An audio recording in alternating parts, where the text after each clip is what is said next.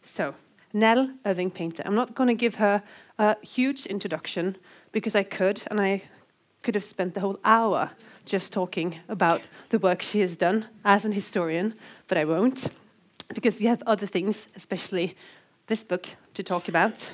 Uh, but Nell Irving Painter is currently an Edwards professor of history at Princeton, emerita. You worked at Princeton since 1988, isn't that That's correct? Right. Right.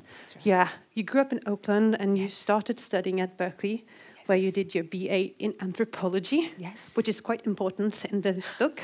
You also studied Yes. French medieval history in Bordeaux, and you have a master's in African history from UCLA. This is true. Yes.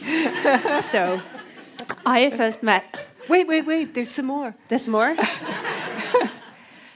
You ha- if you're going to have mention the masters in African history, you have to mention the PhD in American history, History. and the Masters of Fine Art That's- in painting. Especially, yeah. And your PhD is from Harvard from 1974, is Yeah, that right? that's yeah. right. I first met um, Nell or Professor Painter's work when I was um, undergraduate student in gender studies, Uh-huh, and we read one of your articles on Sojourner Truth. Yes. Uh, and you've written about such a great amount of topics. Uh, I'm just going to mention your book on Sojourner Truth, A Life, a Symbol from 1996, and your book Creating Black Americans, African American History and Its Meanings from 1619 to the Present from 2005. And then we have this latest book called The History. It's not the latest book. Oh, it- it's not? not your latest academic book? Academic Uh, book, yes, because Nell here is also a painter and an artist, and I, I'm so sorry about this. I shouldn't have done this because I'm I'm I'm a poet as well as an Ah, academic. well, so I should be in that case, able yes. to kind of think those two things in common. But I realize like I'm thinking of you as a historian, yeah. But we have to talk about all of Sure. these things. But this book was published in 2010. Right. Uh, it was also published in Japan Yes. in 2011, and now in France on the 31st of January. That's right. That's correct. Yes. And Nell has been spending the last couple of weeks in France, in Paris, causing quite a stir. It has sold, like, it's in its second printing Yeah. in France now. So, this book from 2010 is still very relevant. If any of you wondered, it's not like eight, nine years has caused it to be less relevant. I would even say more. And we're Mm. going to talk about Yes. that in this conversation. We are. Yes. We are. So that was my brief introduction. Very good. I, I don't know about that. I, I hope it was sufficient. I wanted to start by asking you a very kind of open question, and that was how did you come about to start writing this book? Okay. How many of you remember the year 2000? Not everybody. yeah. Okay, so those of you who don't remember, just take my word for it and our word for it. Um, so I was sitting um, at the breakfast table in Princeton, in New Jersey, in the USA, uh, reading the New York Times, or looking at the New York Times. And on the front page, uh, à la une, there was a big photograph of Grozny, which is the capital of Chechnya. And Chechnya is in the Caucasus. And Grozny was totally bombed out. The Russians had made it look like Berlin in 1945. I mean, it was really the kind of photograph you look at and think, Jesus Christ. So I'm sitting looking at this photograph and I'm thinking, why are white Americans called Chechens? White Americans, I mean, all Americans, have no idea where the Caucasus is. Why are white people called Caucasian? And that's where it started. And we have to talk about why we're called Caucasians. But I want, I think we should start by, by kind of, um, because what you do is you trace this idea of uh, white people, how they have been described and how they have been thought as one or several races through history. Yeah. Uh, but before we kind of um, start telling that story, or you start telling that story, I wanted us, or I wanted you to kind of say something about how we when we talk about whiteness in today's climate, what do we mean by whiteness and also race as a concept? Because I think to a lot of Norwegians still, talking about race is something kind of scary. So, what do you mean when you say whiteness, and what do you mean when you say race? How long do you have? Well, we have 50 minutes, but we have much more to talk about. Okay. So bullet so, points. Uh, bullet point. The first thing is that uh, this book is a work of intellectual history. It's a work about ideas, it's a work of the history of science. Um, it is not about what white people have done to other people.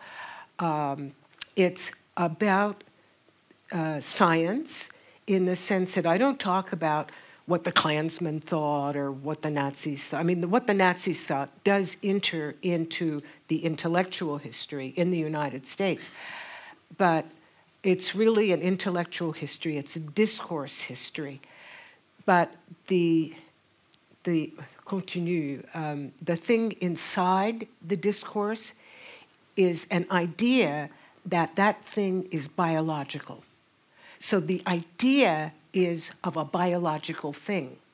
But the idea, or ideas, plural, change over time, over place, who's talking, to whom, for what, you know, like Foucault would say. Mm. Um, why, what's the use of this discourse? So, as we were talking earlier, Christine, about um, anxieties over immigration, anxieties over immigration tend to rile up race thinking. And it's like a way of explaining that whatever those troublesome people are is something permanent, intrinsic in them. And it will be there for always, and it's dangerous.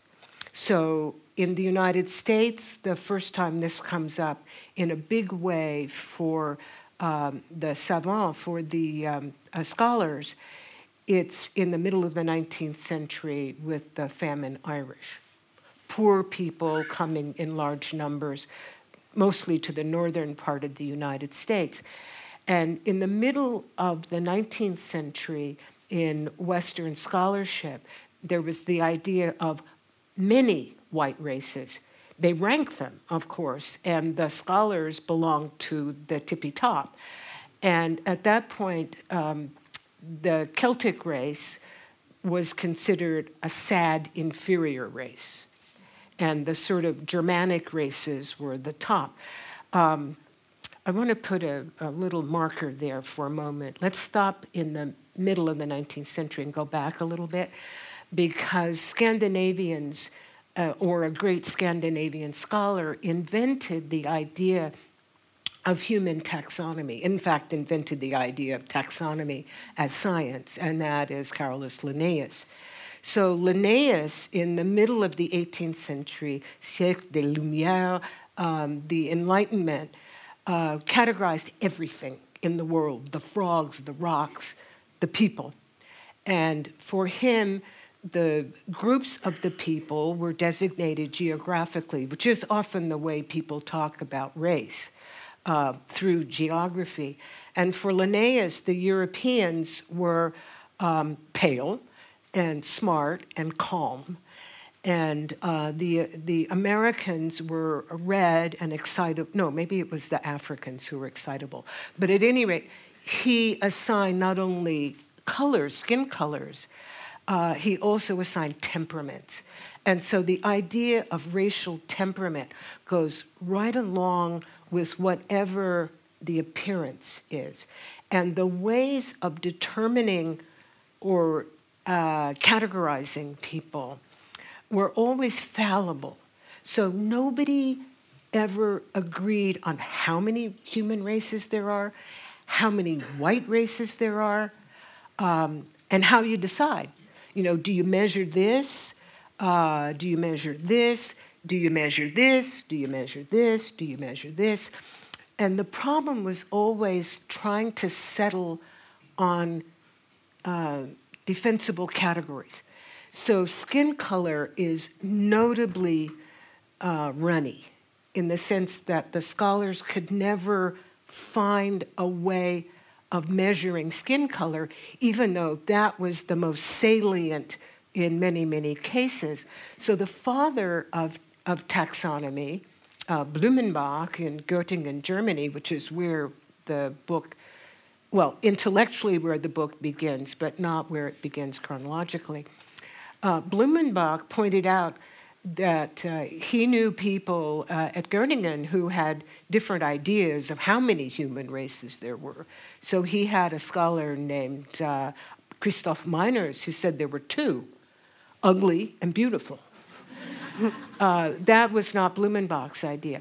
But Blumenbach, in his, his great third edition uh, of his treatise on the varieties of mankind, said, you know, not only do the skin colors kind of merge, as you can't draw clear lines between the colors of people around the world. He said, but also the different parts of the body are different colors. So um, European women can be very beautifully pale in the spring, and then they go out in the sun and they get brown. And then there's the uh, private party parts of the body that can be notably dark. So, um, uh, color, skin color was always a problem, and how to decide how many races there are, even how many white races there are, and how you decide. No, n- no agreement. So uh, I was I put that bookmark there uh, with the Irish. So uh, Irish Americans uh, were always in the United States accepted as a white race. Uh, it's, a, it's extremely difficult for Americans to understand that the way Americans now think of white race, that is, of one big box, and everybody who's in it is the same, and the big, the big struggle is to get in. No. In the 19th century, there was, there was a whole uh, bevy of white races, uh, among which were the Celts, and as an, an inferior white race. Um, so they were white, and the moment adult men stepped off the boat, boat, they could vote, which is absolutely crucial. Because in the United States, if you can vote, you can exercise political power. And we have something called patronage jobs. Maybe these exist in Norway as well. That if you're plugged into the politics, you have access to jobs, public jobs, like policemen or uh, pompier or uh, teacher and so forth. And those jobs have salaries. And those salaries mean the families can move up the ladder from being absolutely famine people. So, over the couple of generations between the 1840s, 50s of the poor, famine Irish, um, men voting, men getting jobs, women getting jobs, um, also the Civil War, in which the Union side, the army, had lots and lots of immigrants in it German immigrants, Scandinavian immigrants, and Irish immigrants as well. There were lots and lots of black people fighting in the Union Army as well. Um, so, over the course of the two generations between the middle of the 19th century and the early 20th century, Irish people got moved up. And as new waves of poor immigrants from Southern Europe and, and Eastern Europe came in, they got racialized in their turn. And after the First World War kind of laid waste to the idea of Teutons or Germanic peoples as the tippy top, the, the categorization changed. So Teuton kind of went by the side and a new category of Nordic came in, and the Irish were in the Nordic. I think we have to um, move to the beginning of your book, and we're going to come back okay. to the questions of the Irish and the enlargement of American whiteness, mm -hmm. because I think your book does two things. Uh, it's kind of like, for me at least, um, has two like big projects. On the one hand, it starts in Greek antiquity, uh, and we have to talk about why you chose to do that because, Sure. as you say, the intellectual history of race and whiteness really starts with the Enlightenment. Indeed. Uh, and kind of the, the second half is about what it means to be American and their relationship with whiteness Yes. and what kind of like white races one sees as the uh, American Mm-hmm. Type of person. So, why do you start in the Greek antiquity? Okay. So intellectually, my book starts with Blumenbach in the late 18th century, mm-hmm. with um, the Enlightenment, with the classification of people. Mm-hmm. And that's when, with the invention of race as a way of classifying people. Mm-hmm. Now, I worked on this book a really long time. Uh, and with an editor who worked with me very closely, he and the Princeton University Library are the dedicatees of this book. However, I never could stop my editor from assuming that he could read white categories from now, that is the early 21st century, back forever. He always thought, well, the Greeks thought about whiteness the way Americans think about. I said, no, no, Ed, no, no, no, Ed, no. So I had to prove to Ed that he was just wrong. but it got to be really interesting to, because clearly ancient Greeks could see differences. Uh, Romans could see differences. I'll get to the Romans in a minute. But for the Greeks, um, for Herodotus, for instance, but he's not the only one, they looked out and they saw different kinds of people, you know, the Scythians and the Celts and so forth. And they explained difference um, by geography, by where you lived. So if you lived in a swampy place, your belly got full, and, and I mean, you boo. Uh, and so you weren't as fertile as the Greeks. Um, uh, so it was, it was the where people lived that explained their temperament, uh, but also about the Persians, you know, the big uh, enemies of the Greeks. So um, elite Greeks looked down on Persian men for lack of virility because their skins were too pale, which showed that they spent too much time indoors. And masculinity becomes later on. Masculinity is always a big deal. I don't know whiteness. why men are so concerned. You know, so it's always a big deal. As long as people have been writing, masculinity has been a big deal.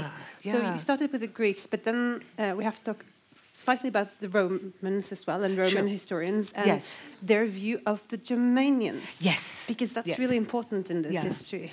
Yes, um, the Germani uh, become important in the story in the 19th century because of the way the Germanic nationalists used ancient Roman writers, or part of what ancient Roman writers wrote.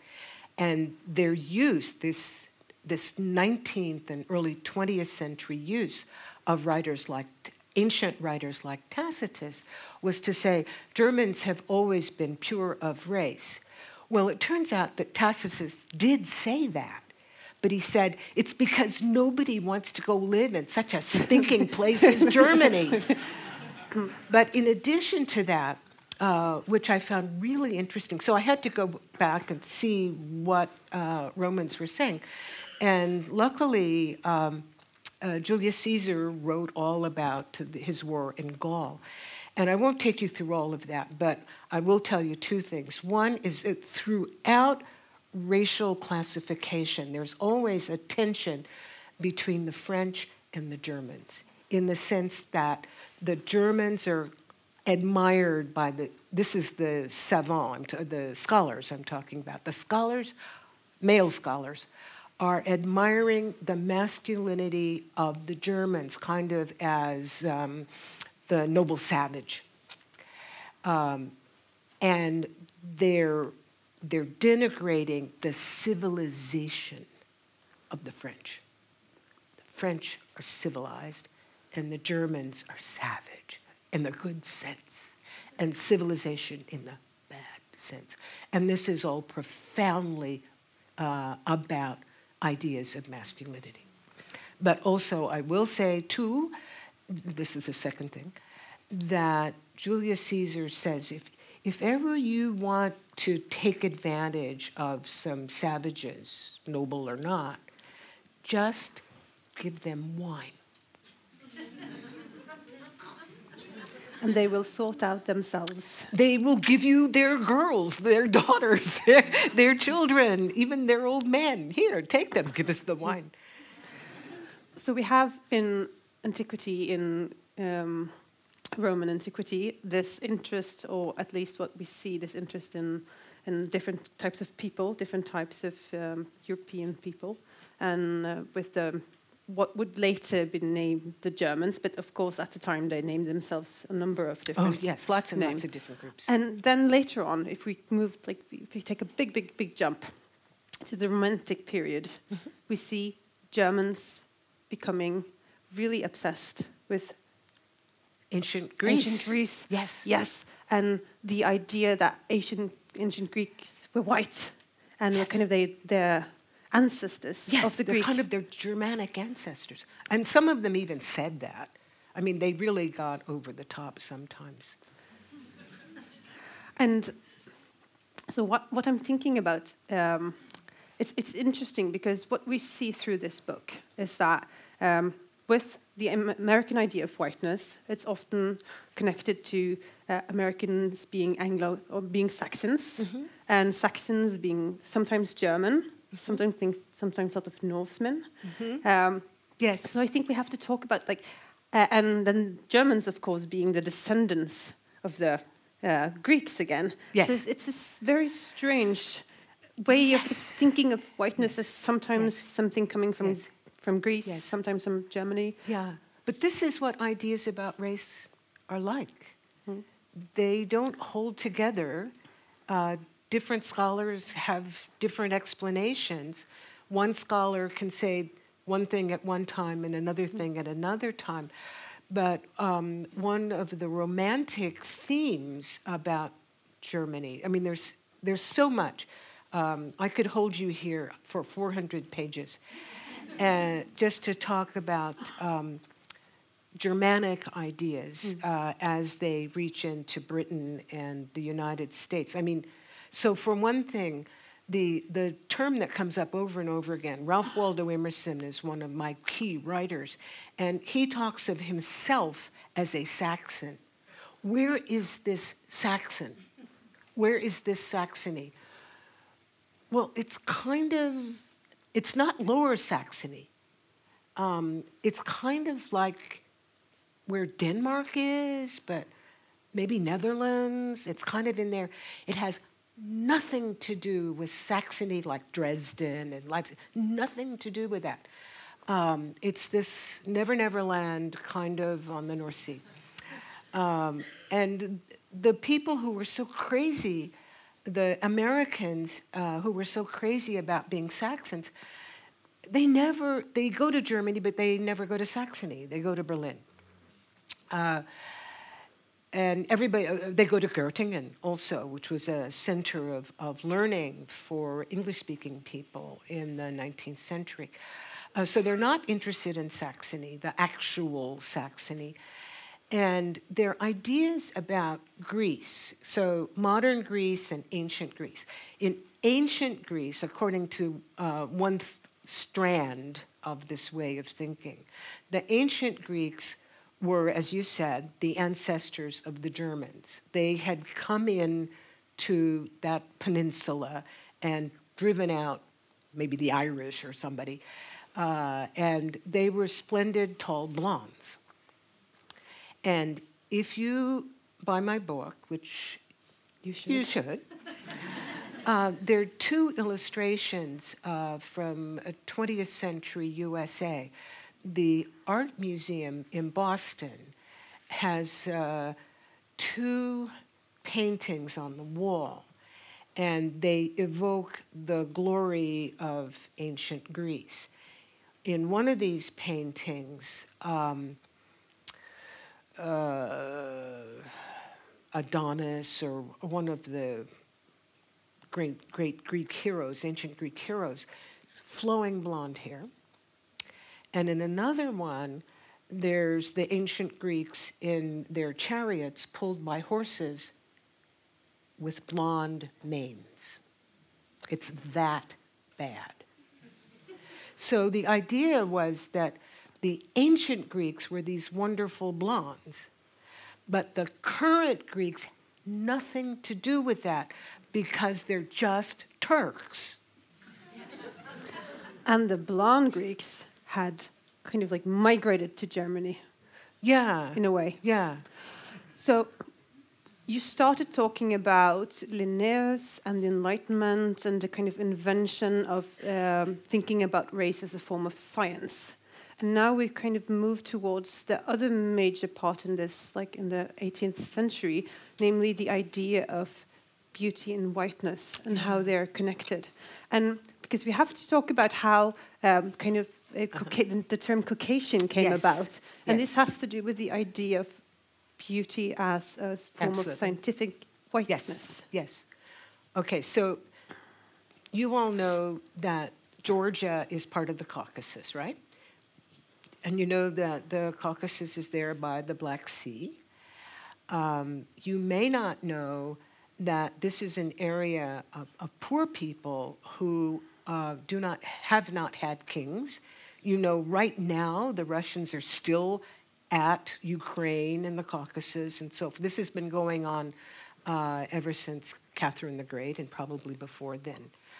Um, so this is uh, the Caucasus and Georgia. Um, this is a poor area that has been subject to um, a slave trade for millennia. Her, it was so old when Herodotus wrote that he didn't know when it started. So, uh, I mean, this is a worldwide story. It's a, it's a sad part of American history that has not ended.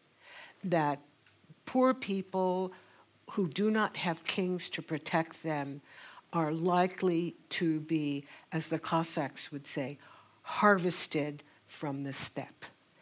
And so this happened uh, from the Caucasus, from Ukraine, from Russia, uh, from for millennia.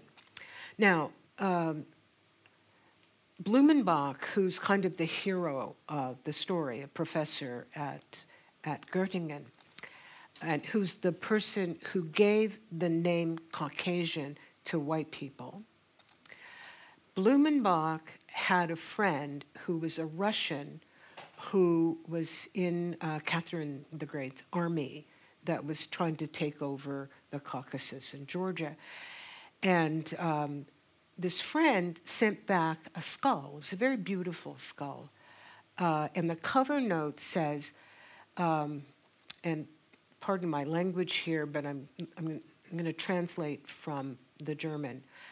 This is the skull of a young Georgian woman who was fucked to death. She died of venereal disease. This skull was the most beautiful skull in Blumenbach's collection. So he named white people after the skull of the woman who was fucked to death. And what this goes to is the, the link between the idea that the best people have to be the most beautiful people, but also beauty as feminine and feminine beauty as sexually exploitable. And that is kind of the, the nub of the idea of the beautiful Georgian, the beautiful Caucasian. And this served until the 19th century when people like Ralph Waldo Emerson had to take beauty away from this poor, exploited young woman uh, who, uh, who continues to exist in art history as the Odalisque, by the way, uh, take it away from the Odalisque and give it to Norwegians. yes. Thomas Carlyle and Ralph Waldo Emerson were tremendous fans of the Northmen. And the Northmen were big and beautiful and as violent as all get out. They just loved bashing each other's heads in, which Ralph Waldo Emerson adored. We were also kind of the, the, the noble savages for Emerson, or mm, well, in a way? You might say, but he really just loved the savagery. Savagery, yes. Yeah, he really got into the, the just gross violence of the Northmen. And in fact, um, the Vikings were, were pretty terrible people, and they were awful slave traders, for instance. And um, it's thanks to the Vikings that the Eastern Mediterranean and Italy uh, are just a boil in, uh, in a mixture of DNA from all over the place because the Vikings would go someplace, gather, you know, cultivate the, uh, uh harvest the steppe, take people, sell them in Nantes, sell them in uh, Russia, sell them in Dublin, and uh, sell them into the rich societies, which were the Mediterranean societies. So Italy uh, is just still um, a cauldron of different kinds of people whom the Vikings sent down there. And uh, the Romans, uh, like Julius Caesar, you know, Julius Caesar would uh, defeat Vercingetorix and then uh, just pull up 5,000 uh, 5,000 uh, French people, 5,000 Gauls, and ship them down to finance his next war. Because slavery was during. Pays. Yeah. Yeah. Yeah. I mean, slavery, unfortunately, is part of the human condition. Uh, and every, I've spoken to you about those who were vulnerable to be enslaved. But I should also add that where there's a market, people are fed into it. Um, sometimes people ask me about the Atlantic slave trade. When this book was first published in, um, in the United States, I did a big book tour. And so this is a, a, a tiny version of the hardcover. The hardcover is big, but it's all white. And it says, The History of White People and there'd come the questions and answers. Every question was about black people.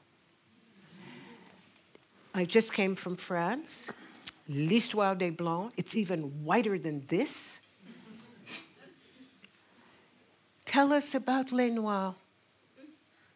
And, uh, you know, I, at one point, uh, before the questions and answers started, actually, that's the case here, um, I said this and nobody could ask a question because everybody wants to talk about Les Noirs. But about the Atlantic slave trade, I'll tell you a little something about Les Noirs. Um, there's a, a, a, collision, there's a, an overlapping of the science of human taxonomy and the industrial character of the Atlantic slave trade. They come at the same time in the 18th century. So that is the slave trade that gets thought of, not that Black Sea slave trade, which was much older and which did not take as many people per year. It was not an industrial slave trade. Uh, but the Atlantic slave trade in the, in the United States has kind of totally obscured the Black Sea slave trade. So if you just mention the word slavery or slave trade in the United States, people cannot get past black.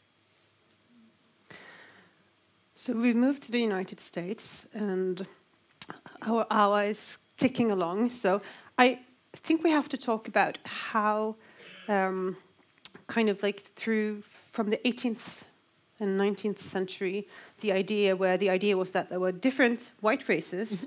and especially with the idea of eugenics, it was did, the eugenic scientists they didn't really care that much about black people you write in the book because they were more capable for the white races. Yeah, How did it develop into an so idea? They, they, very often you see this uh, echelle, this um, hierarchy mm-hmm. of races, and it's like, oh, there's one down at the bottom, and it's blackness, and it doesn't have any um, ethnicity or any geography or anything. It's kind of just like taken for granted. Oh, those people are inferior.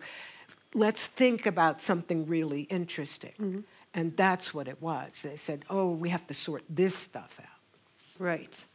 And in your book, you kind of describe four enlargements of American whiteness, because as you said today, a lot of people tend to think about white people as one big group, but that was not the case uh, right. in the beginning. And I wondered if you could kind of like talk about how, like, what what do you mean by the term enlargement of whiteness, and kind of like yeah. sketch out. It's American whiteness. Yes, it's the two together. It's the Americanness, which is ordinarily defined as whiteness. Mm. So um, the great um, uh, revolution um, in thinking of, of the Enlightenment was to get from thinking of truth coming from religions to truth coming from science.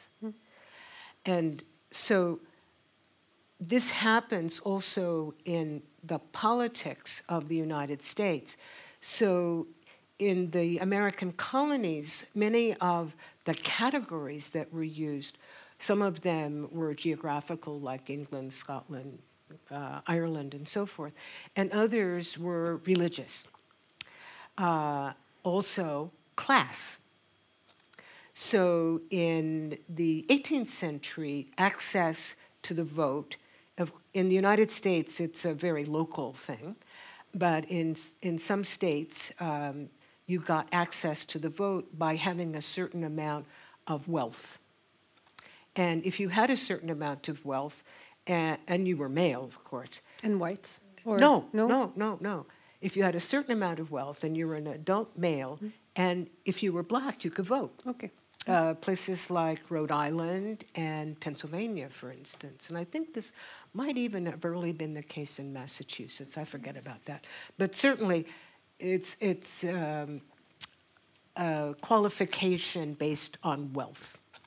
But in the early 19th century, in the Jacksonian era, and I won't go into uh, President Trump's fascination with Andrew Jackson, but during the Jacksonian era of the common man, meaning the white common man, uh, the states changed the categories so that to be an adult white man gave you access to the vote, which disfranchised wealthy black men in many places. So that's the first enlargement of American whiteness, that uh, it's open to people who are poor.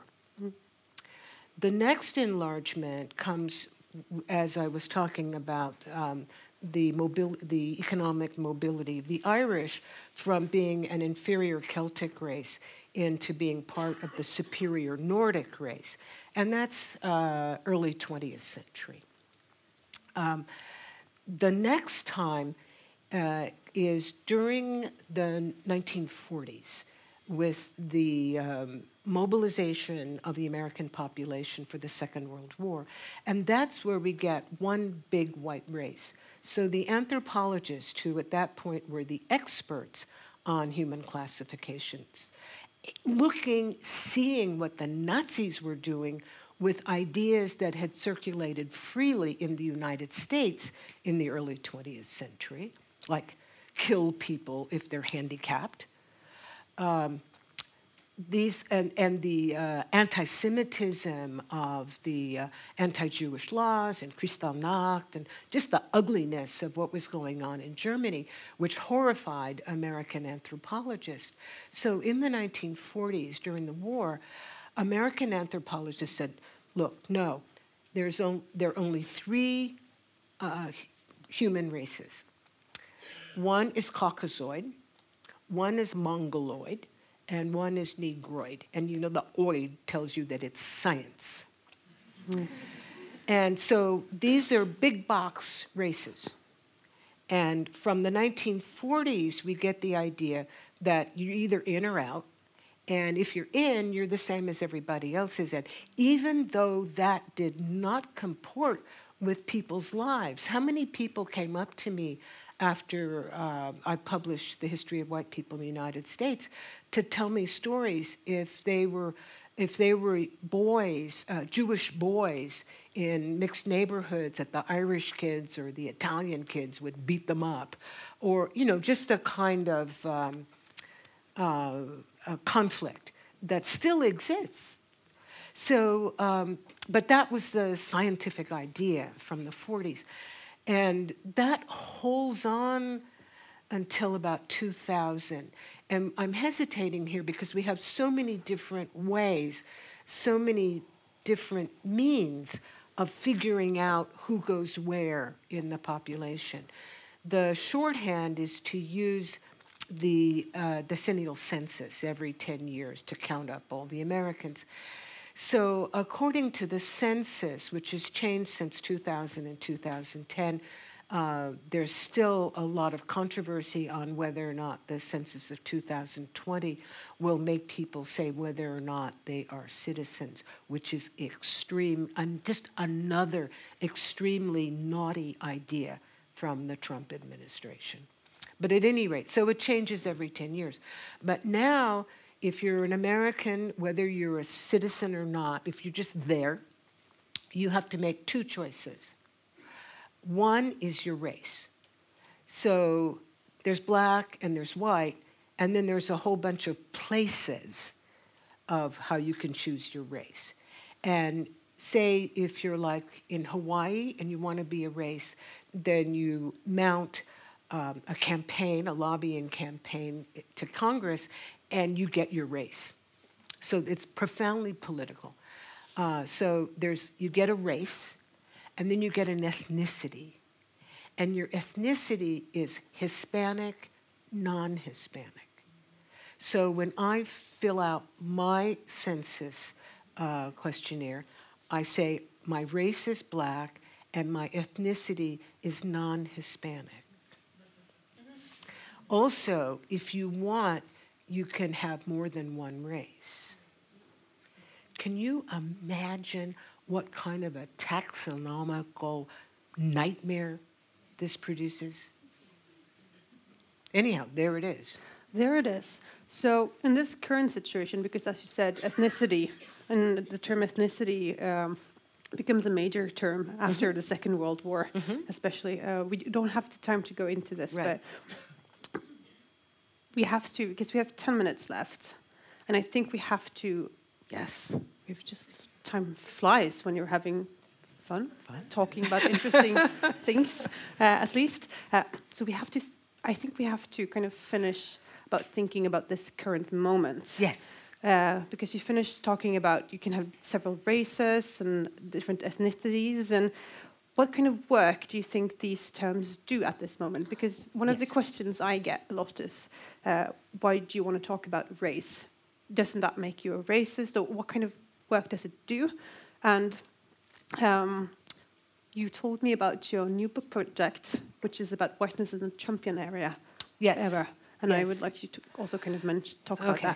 that. Um, when I leave you, and in the summer, uh, when we go up to the mountains and I sit down and have a little time, I'm going to start my new book.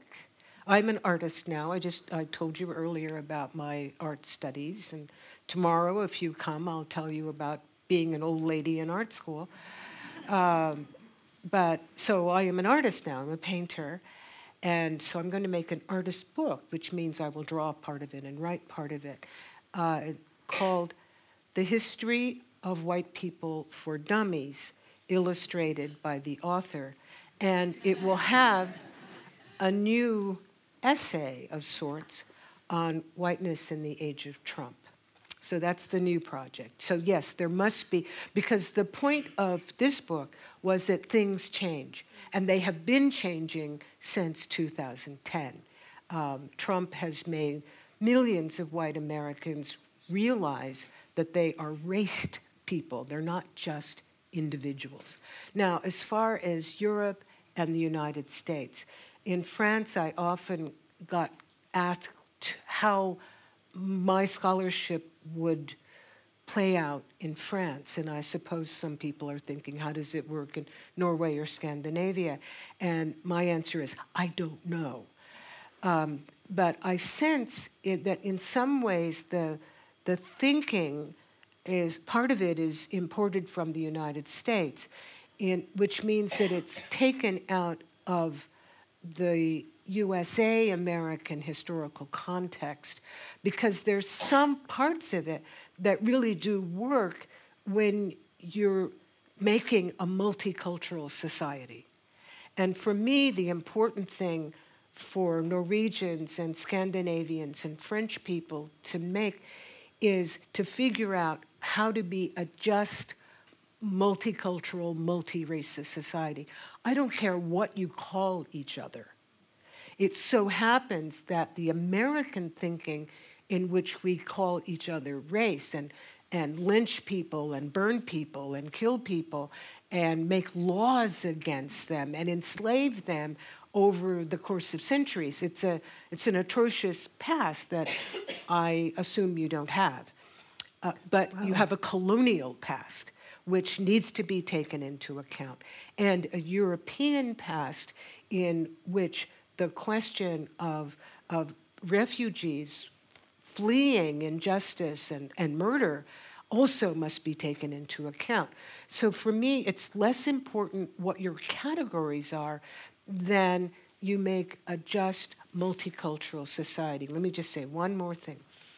The way this is moving right now in the circles that I move in in the United States, I live in New Jersey, I don't live in Georgia uh, or other hard headed places. Um, it's less important now than to do EDI in English, EDI, which is um, equality, diversity, and inclusion. So that means that in whatever institution you're in, that the people who are in it are all treated equally, that it is a diverse institution and that the people who are in it feel included.